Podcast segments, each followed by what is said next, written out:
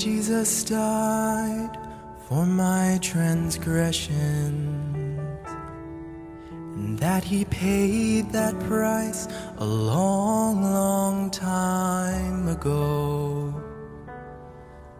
When he gave his life for me on that hill called Calvary. But there's something else I really to know. Does he still feel the nails every time I fail? Can he hear the crowd cry, Crucify again? Am I causing him pain? Then I know I've just can't bear the thought of hurting him.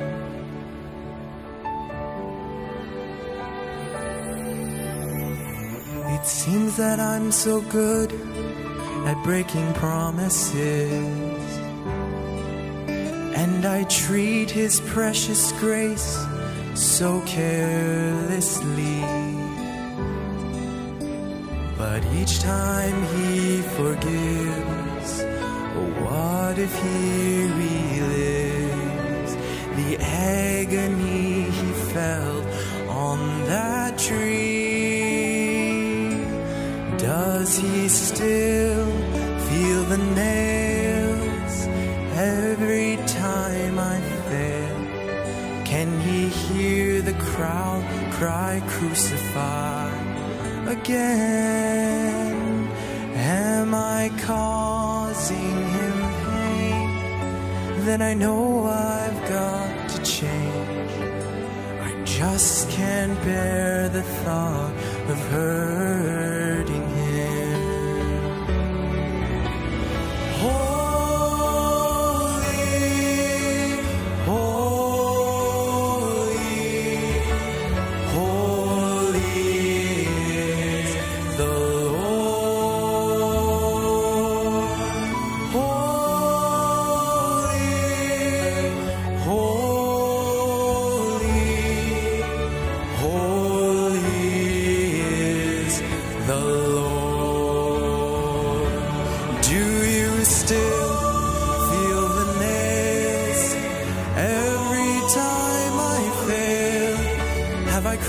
far.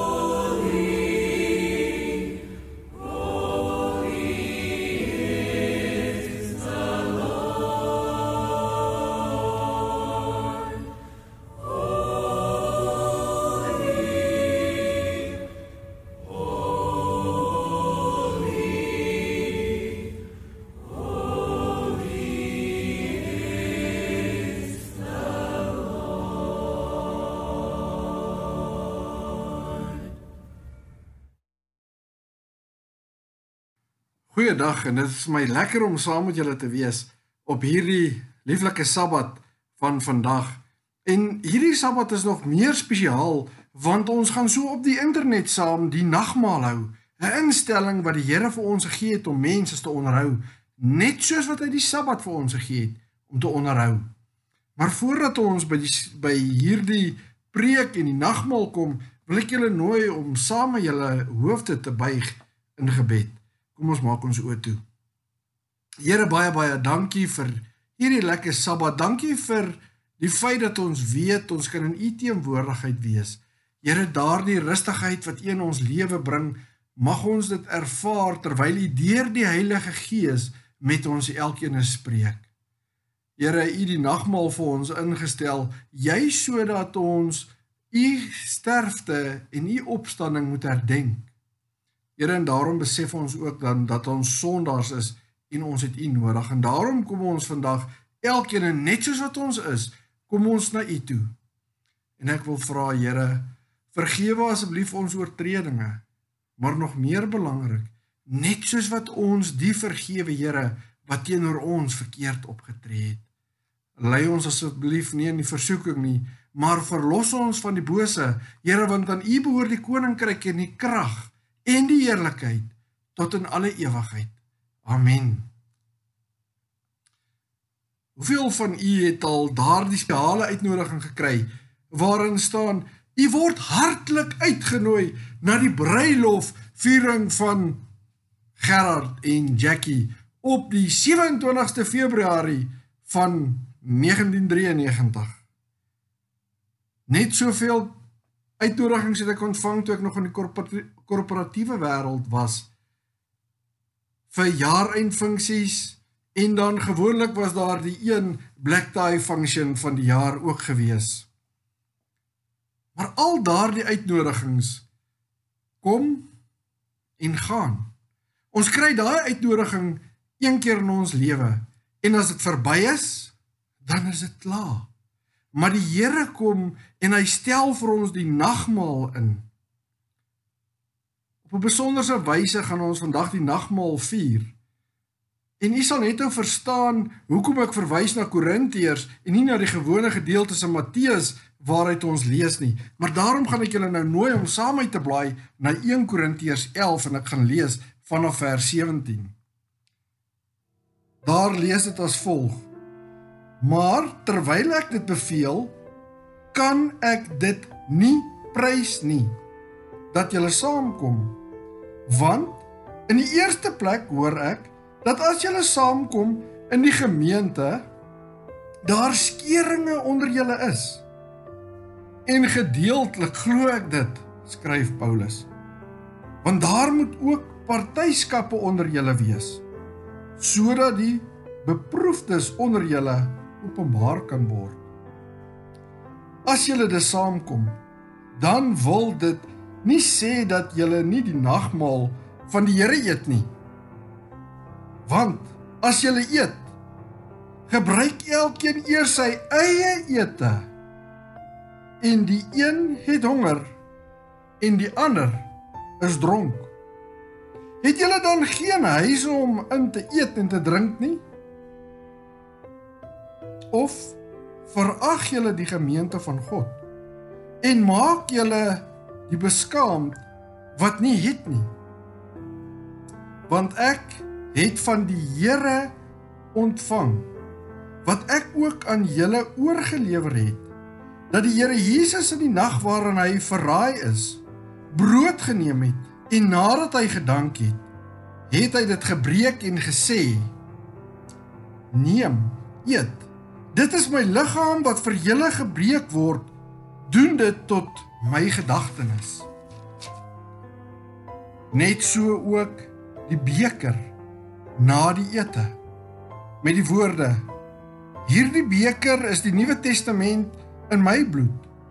Doen dit so dikwels as jy daaruit drink tot my gedagtenis.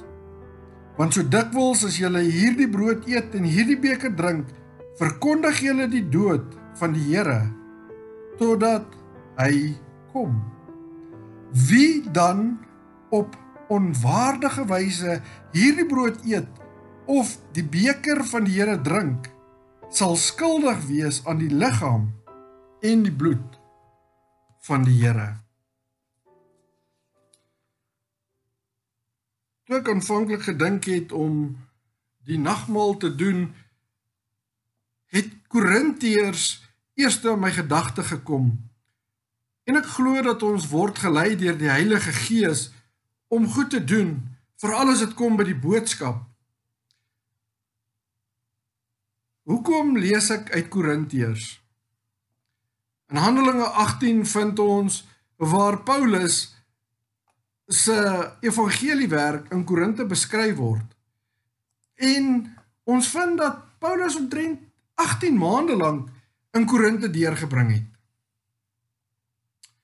Na sy vertrek gebeur daar egter 'n paar dinge wat hom ontstig. En hoekom hy juis dan hierdie brief vir die mense skryf? Hy skryf hier in 1 Korintiërs 11 waar hy sê in die eerste plek hoor hy dat as julle saamkom in die gemeente, daar skeuringe onder julle is en gedeeltelik glo ek dit. Hy sien daar is nie eendragtigheid onder die mense nie. Die mense in Korinte het 'n vaste plek gehad waarna toe hulle gegaan het vir aanbidding. En as hulle dan saamgekom het vir hierdie aanbidding en die nagmaal het die rykes hulle self lekker trommeldik geëet aan die kos. Die honger is aan die slawe wat later gekom het het dan minder gehad om te drink en dit is so erg dat Paulus skryf dat self van hierdie mense, hierdie rykes, hulle selfs dronk gedrink het. en daarteen het hy nogal redelike hekel. Dan vind ons in vers 23 waar Paulus skryf: "Want ek het van die Here ontvang wat ek ook aan julle oorgelewer het." dat die Here Jesus in die nag waarin hy verraai is, brood geneem het. Paulus sê hy het dit van die Here af ontvang. Ons kan nie duidelik weet hoe het hy dit ontvang nie. Het hy dit ontvang direk deur 'n visioen of het die Here hom toe hy in afsondering was met hom gepraat nie? Andersste as die ander disippels wat fisies ervaar het wat die Here gedoen het, het Paulus 'n ander ervaring gehad as die ander disippels. Maar wat ons wel weet is en hy skryf dit in sy eie woorde is dat hy het dit van die Here af ontvang.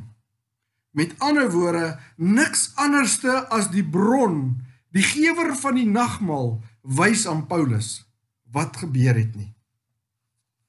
Maar hy sê ook dan hy het brood geneem en hy het dit gebreek en dan sê hy doen dit tot my gedagtenis.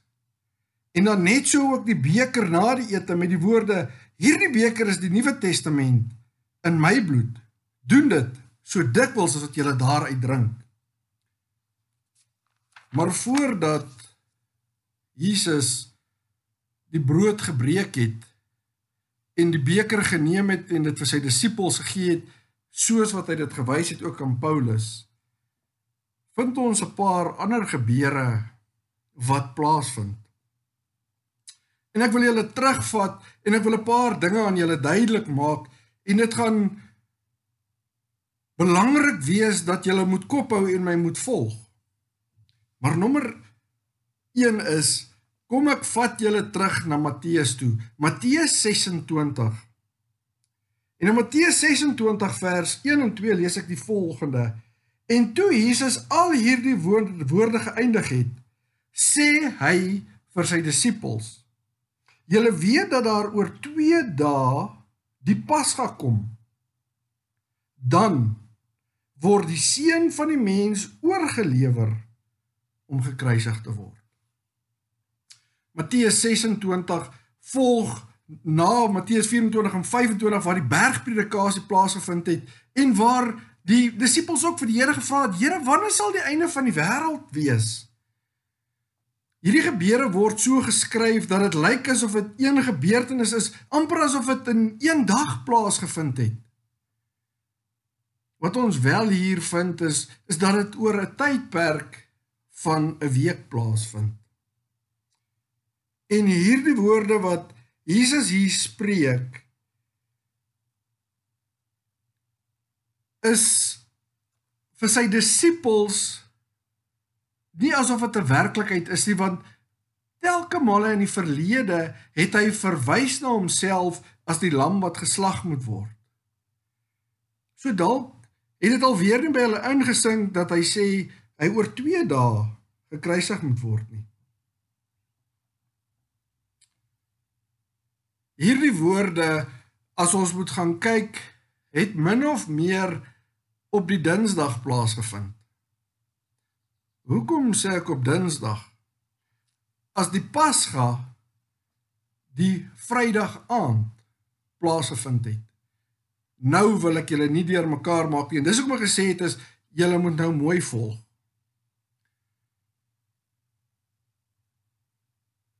Die Here is op watter dag gekruisig? Op Vrydag. Korrek. Kom ek vat julle na Lukas 23 vers 54 toe waar dit sê en die Sabbat wou aanbreek. Dit is net na die kruisiging van Jesus Christus. Dis hoekom ek sê die Pasga het Vrydag aand plaasgevind want in my taal is dit eintlik Donderdag aand. Onthou die Joodse tyd werk anderste as wat ons die tye ken in die moderne lewe. Die Joodse tyd, soos wat ons lees in Genesis waar dit sê dit was aand en dit was môre, het ek nou net vir u gesê en verwys na Lukas 23 vers 54 waar dit praat van en die Sabbat wou aanbreek. Dit was die Vrydag na die kruisiging. Met ander woorde, hoekom sê ek dat hierdie Dinsdag plaasgevind? Want dan was dit Woensdag en Donderdag en daardie aand van die wat ons ken as Donderdag aand sou die Pasgamaal plaasgevind het. Daar gebeur ook 'n paar ander dinge sedert daardie tyd. Jesus bevind homself in 'n ete in Betanië. In die meeste gevalle waar ons lees in die skrif waar Jesus aan iemand se huis was, was hy altyd die gas. En hy was nooit die gasheer nie.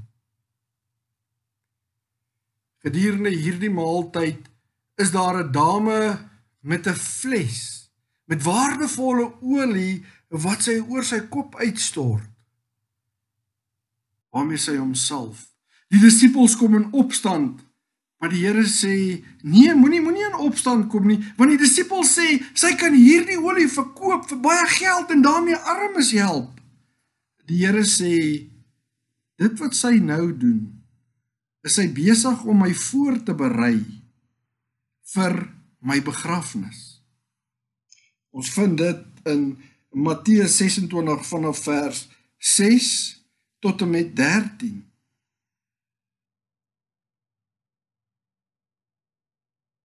Dan beweeg hulle aan en hulle kom by die donderdag. Die donderdagoggend en dit is die eerste dag van die ongesuurde brode. Kom die disippels na hom toe en hulle vra vir hom: "Here, waar wil U hê moet ons die Pasga voorberei?" Wat was die Pasga? Die Pasga was daardie fees wat die Israeliete gevier het die dag toe hulle uit Egipte verhuis het, toe hulle goed gevat het en getrek het vry verlos van slawerny. Die Here stuur hulle toe na die dorpie toe en hy sê daar sal julle 'n man vind vra hom waar is die boefretrek wat julle moet voorberei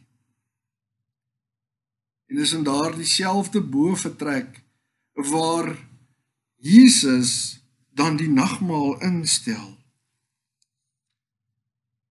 ons vind nie dat Matteus vir ons vertel van die voetewassing nie Dis snaaks dat Johannes vir ons meer inligting gee rondom die voetewassing en dan ook die gebed wat Jesus gebid het vir ons as mens en vir sy disippels. Matteus praat glad nie van die voetewassing nie. Dit is dan ook na daardie ete wat Jesus en sy disippels dan gaan om in gebed te verkeer. Hulle gaan na Getsemane en is daar in Getsemane waar die Here 3 keer gaan bid. En vir sy disippels vra om saam met hom te bid. En elke keer as hy terugkom, dan vind hy hulle aan die slaap. Soos ek gesê het, daardie Pasga, daardie nagmaal, die laaste Pasga wat op Vrydag aand ons donderdag aand plaasgevind het het aanloop gegee tot die gebeure wat daarna sou volg. Hoekom ons dan hierdie nagmaal broodjie en wyn gebruik as gedenksteen, as herinnering van wat die Here vir ons gedoen het. Nadat hulle uit Getsemane uitbeweeg het, het Judas Iskariot saam met die soldate daar opgedaag. Ons ken die storie. Dis daar waar Jesus in gevange geneem is en toe weggelei is na die paleis, daar waar hy verhoor moes word. Dit is ook na hierdie wegleiding waar Petrus terwyl hy vir Jesus op 'n afstand dopgehou het, hom verraai het. Maar na alles word Jesus heen en weer gestuur van bakboord na stuurboord. Om net so op te eindig voor Pontius Pilatus. Wat dan die vraag aan die mense vra: Wie moet vrygestel word? Barnabas of Jesus wat homself die Messias noem? Die hele volk kom in opstand en dring aan dat Barnabas vrygelaat moet word. Nadat Jesus dan nou skuldig bevind is in die oë van die volk en hulle sê nogal hulle sal dit op hulle neem word Jesus dan tereggestel op hulle aandrang word hy gekruisig die wreedste manier nog ooit.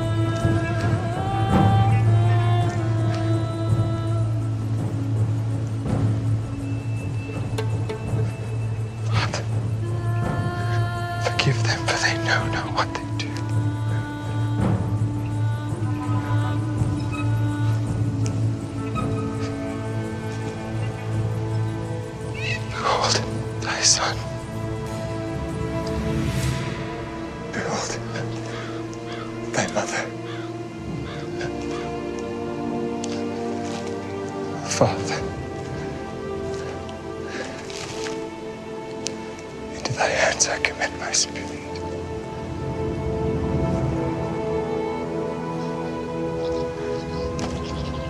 It is finished.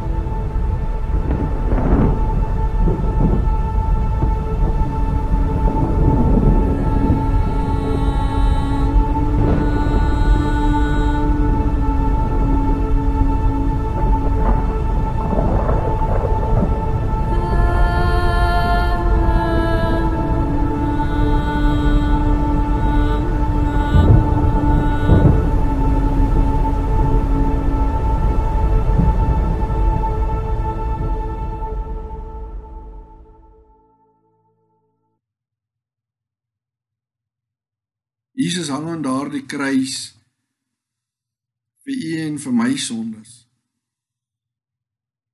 Jesus wat gekom het as die die verlosser. Die een wat u en my van ons sondes vergewe, die een wat heiliglik vir u en my voorspraak doen. Is die een wat aan die kruis hang. Van 12 uur daardie middag tot en met 3 uur die Vrydagmiddag. Dit is omtrent die 9de uur. Eers daar donkerte. En dit is ook omtrent rondom daardie tyd, die 9de uur van die dag of 3 uur die middag dan roep die Here uit: My God, my God, waarom het u my verlaat?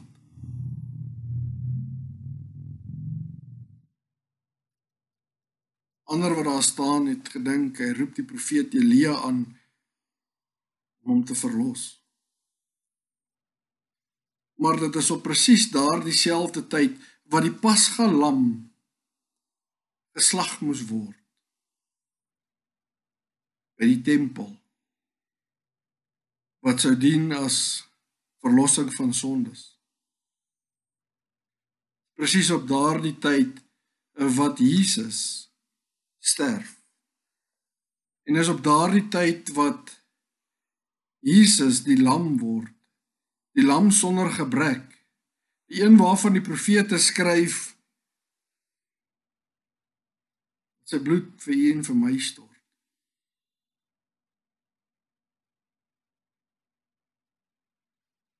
Paulus het vir die Korinte geskryf as julle julle nagmaal hou daar by julle samekomste oordink julle Jesus se sterfdood vir julle? Of is dit maar net vir julle een groot fees? Vir die rykes 'n 'n lekker fees van vol eet en lekker drink en vir die armes maar die oorskiet porsies kry gaan nagmaal vir julle oor dit waarvoor dit eintlik bedoel is.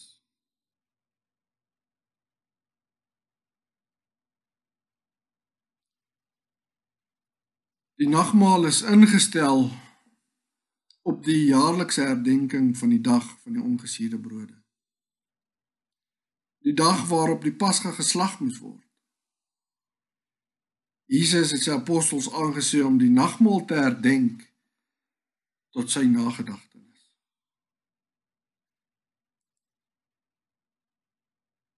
Die nagmaal is 'n deelname aan die simbole simbole van die liggaam en die bloed van Jesus Christus.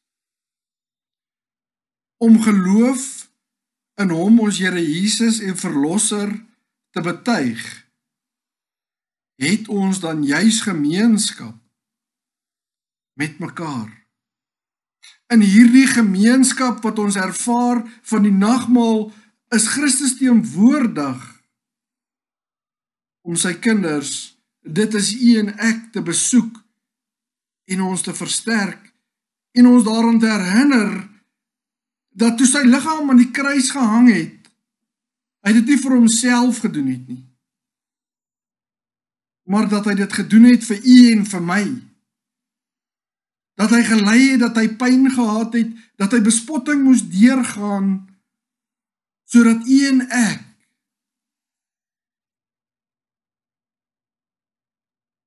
voorreg kan hê om eendag die ewige lewe te kan smaak.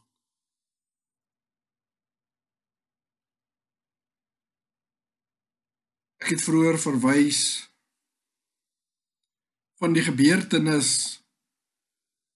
waarvan Johannes skryf. En dit was niks anders as die voetewassing nie.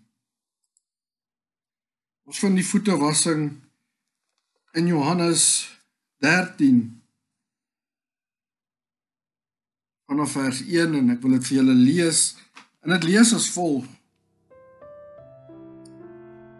En voor die fees van die Pasga het Jesus omdat hy wis dat sy uur gekom het dat hy uit hierdie wêreld sou oorgaan na die Vader. En omdat hy sy eie mense in die wêreld liefgehad het hulle liefgehad het tot die einde toe. En gedurende die maaltyd Die duiwel het dit al in die hart van Judas Iskariot, die seun van Simeon ingegee om hom dit is Jesus te verraai. Het Jesus omdat hy wis dat die Vader alles in sy hande gegee het en dat hy van God uitgegaan het en na God heen gaan van die maaltyd opgestaan en sy bootklere uitgetrek en 'n doek geneem en dit om hom vasgemaak.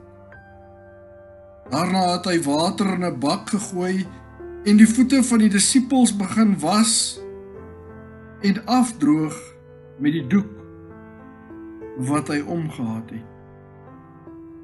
Hy kom toe by Simon Petrus en hy sê vir hom: "Here, gaan U my voete was?" Jesus antwoord en sê vir hom: "Wat ek doen, begryp jy nie, maar jy sal dit hierna verstaan."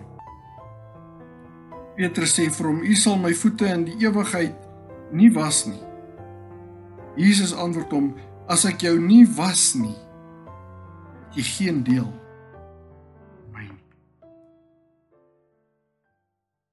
Jesus kom na hierdie aarde nie as 'n koning nie. Hy kom na hierdie aarde as 'n diensknegt. In die proses wat hy aan die kruis hang as die seun van God is hy in 'n dienende posisie. Net soos wat hy hier voor sy disippels in 'n dienende posisie is. Is 'n werk wat eintlik net 'n slaaf in daardie tyd gedoen het. Kom Jesus en hy sê ek sal jou slaaf wees, my disipel, my Petrus. Omdat hulle voete vol stof was in daardie dae was die voete maar gewoonlik die vuilste. En Jesus kom en hy was daardie voete en hy maak hulle droog. Hierdie stof van die voete is niks anders as 'n simbolisering van sonde. Of dan ook 'n afwassing van sonde. Dit is hoekom hy dan vir Petrus sê as jy my nie toelaat om jou sondes af te was nie, dan het jy nie deel aan my nie. Dit is ons voorreg om nou mekaar se voete te was. Ek wil julle uitnooi, elkeen daar waar julle is, by julle huise om dienend teenoor mekaar te wees, man teenoor vrou en vrou teenoor man, want ons lees ook in die Bybel dat nie een hoër is as die ander nie. En dat ons dalk ook ons kinders se voete sal was. En daarmee sal deel maak. Toe iemand te hore gekom het van hierdie aanlyn voetewassing stuur 'n enkel persoon my boodskap en sê vir my maar leraar hoe maak ons wat enkel is nog steeds voel ek in my hart dat die Here gekom het en hy die ou tabernakelstelsel weggeneem met sy kruisiging wil ek die wat enkel lopend is dalk vra om een van twee goed te doen. Want in hierdie proses van voetewassing waarin ons besig is om onsself te verneder teenoor ons medemens, onsself diensbaar stel tot ons medemens. Dit op een van twee maniere te doen. By die ou tabernakelstelsel soos wat ek 2 weke terug gesê het, het ons ook dan die waskom gekry. En voordat die priesters daarin gegaan het, het hulle eers hulle hande gewas wat ook weer eens gedui het op 'n afwassing van sondes. Die volgende het by my opgekom en my laat dink en laat besef ek het dalk nie iemand wie se voete ek kan was nie. Maar die Here vergelyk sy kerk met die liggaam. En as ek dalk my hande vat en ek sit my hande in hierdie waskom, dan is die een lid besig om die ander lid te dien. Die waskomstelsel is nie meer daar nie. Maar tog het ons die skottel waarin ons ons voete gaan was. Daarom wil ek julle elkeen nou nooi om deel te neem aan die voetwassing seremonie. Terwyl ons besig is met hierdie voetwassing, kan u gelukkig hierdie video nou net pause totdat jy klaar is en daarna kan jy aangaan met die gebruik van die volgende simbole en sakramente. Die meester het die voetewassing ingestel as 'n simbool van hernieude reiniging. Om bereidwilligheid te toon om mekaar in ware Christelike nederigheid te dien en om ons hart in liefde met hom te verenig. So mag u dan nou die wat kan voete was en die enkellopendes kan dan besluit of wil hierdie ervaring net geestelik ervaar of dalk u hande was om net bewus te maak van die dienende posisie wat ons teenoor mekaar in die kerk bekleed.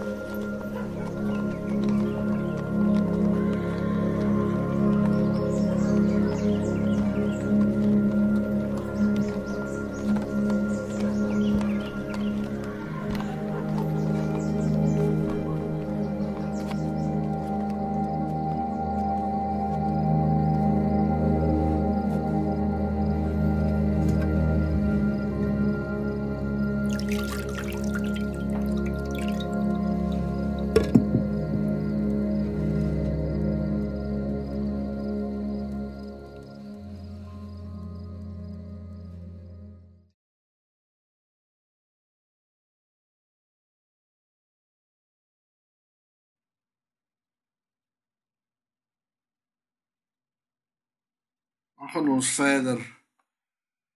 Ek gaan terug na Korintiërs toe.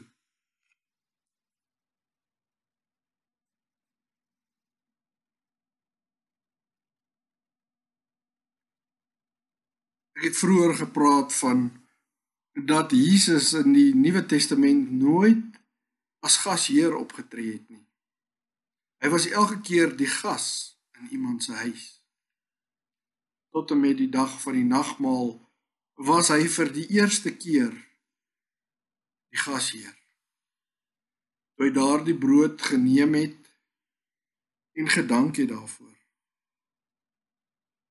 In daardie tydperk was dit dan ook so gewees dat die gasheer, die eienaar van die huis gewoonlik dankgebed gedoen het oor die brood en oor die wyn. En ek is gewoond daaraan dat ons tydens bediening by die nagmaal by die kerk een van die ouderlinge het wat vir ons bid oor die brood en die wyn. Ek gaan vandag die gebed vir ons doen oor die brood so oor die internet vir die van u wat alleen is. Maar ek wil ook dan versoek vir die mense waar al man en vrou saam is dat die man wat die priester van die huis is en dan ook die gasheer van ander besoekers daar in daardie huis wat deel maak aan hierdie nagmaal dan die gebed sal doen. Kom ons bid saam vir die simbool van die brood wat dien as die liggaam van Jesus Christus. Liewe Here, as ek deur hierdie hele verhaal moet gaan en daardie week van die kruisiging tot en met by die kruisiging Here en ek moes deur alles lees en en dit is asof ek as ek in die teenwoordigheid is Here ek dalk u pyn kon ervaar Maar Here ek weet nie eers naaste by waardeur u gegaan het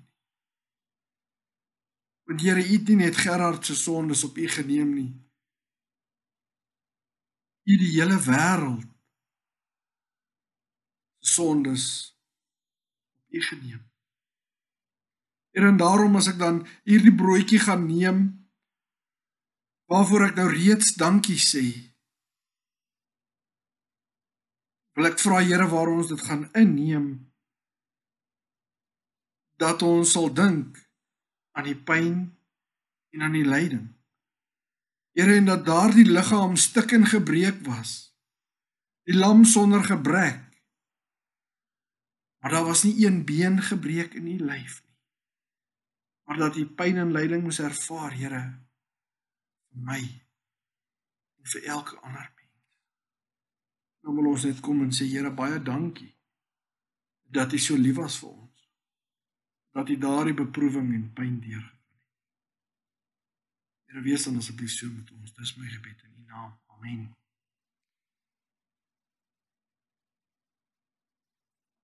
En dan maak ons soos wat Paulus sê. En soos wat Jesus die voorbeeld gestel het. Wat hy sê en nadat hy gedank het, het hy die brood gebreek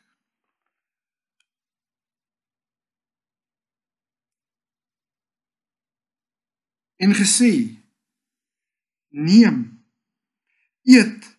Dit is my liggaam wat vir julle gebreek word. Doen dit tot my gedagtenis." Hierdie broodjie is simbolies van Jesus se liggaam. Dit is nie sy liggaam nie. Maar as ek hierdie broodjie vat en ek sit hom in my mond en ek kou hom, mag dit vir my wees soos 'n gedenksteen herinnering waarvoor ek staan wat sê Here dankie dat u liggaam vir my gebreek het. Neem eet. Dit is sy liggaam.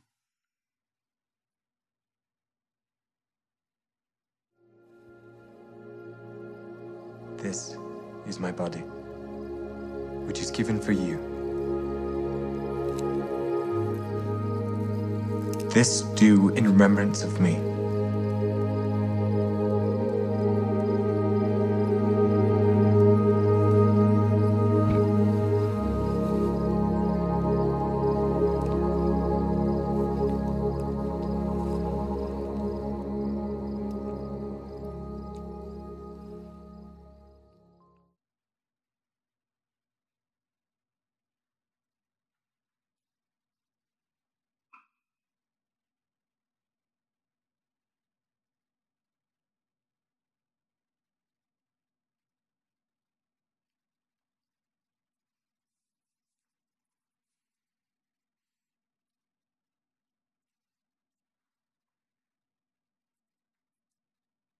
Net so ook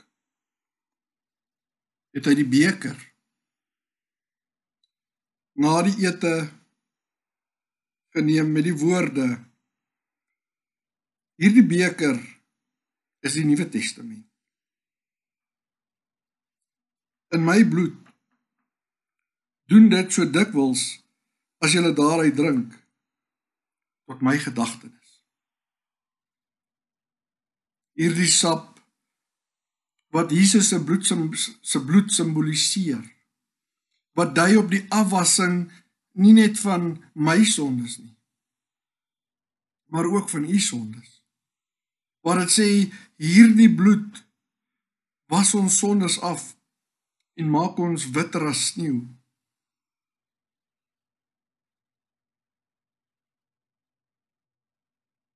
Ons sluit ons oë vir 'n gebed hierdie sap. Here in jou hemelse Vader. Baie dankie dat U bereid was om U bloed aan die kruis te stort vir ons. Dankie dat ek weet deur U bloed word my sondes afgewas. Here net soos wat daardie water die stof van vuil voete afwas. Net soos wat die water my vuil hande reinig. Here weet ek dat u bloed my skoner gewas het as water in see. En daarom wil ek vir u sê dankie dat u u bloed gestort het vir ons elkeen. En soos wat u dan gesê het, dit is u Nuwe Testament, die verbond wat u met met ons aangegaan het. Here daardie nuwe verbond wat vir ons sê my bloed het jou skoon gewas. Jy hoef nie meer 'n lammetjie te slag nie. Want om 3 uur Vrydagmiddag my bloed gesvloei vir jou en het ons nie meer die pasgelam nodig nie. Mag hierdie simboliese afwassing van sondes deur die drink van u wyn my herinner van dit wat u vir ons gedoen het. Amen. Neem en drink daaruit tot my gedagtenis.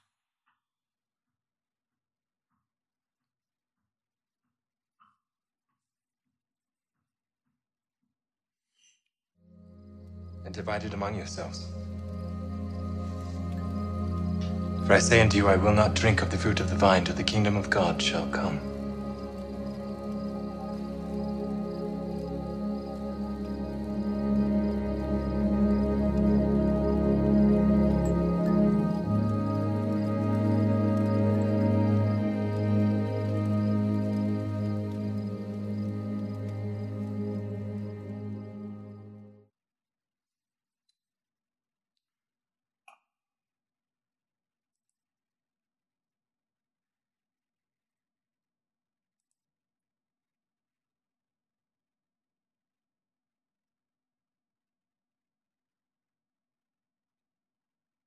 Vers 26 lees ons ons so dikwels as julle hierdie brood eet en hierdie beker drink verkondig julle die dood van die Here totdat hy kom.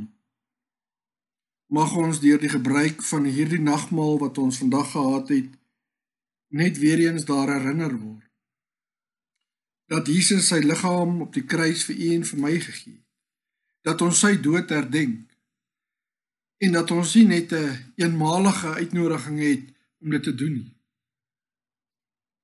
Maar dat hy wel vir ons sê dat ons dit dikwels moet doen.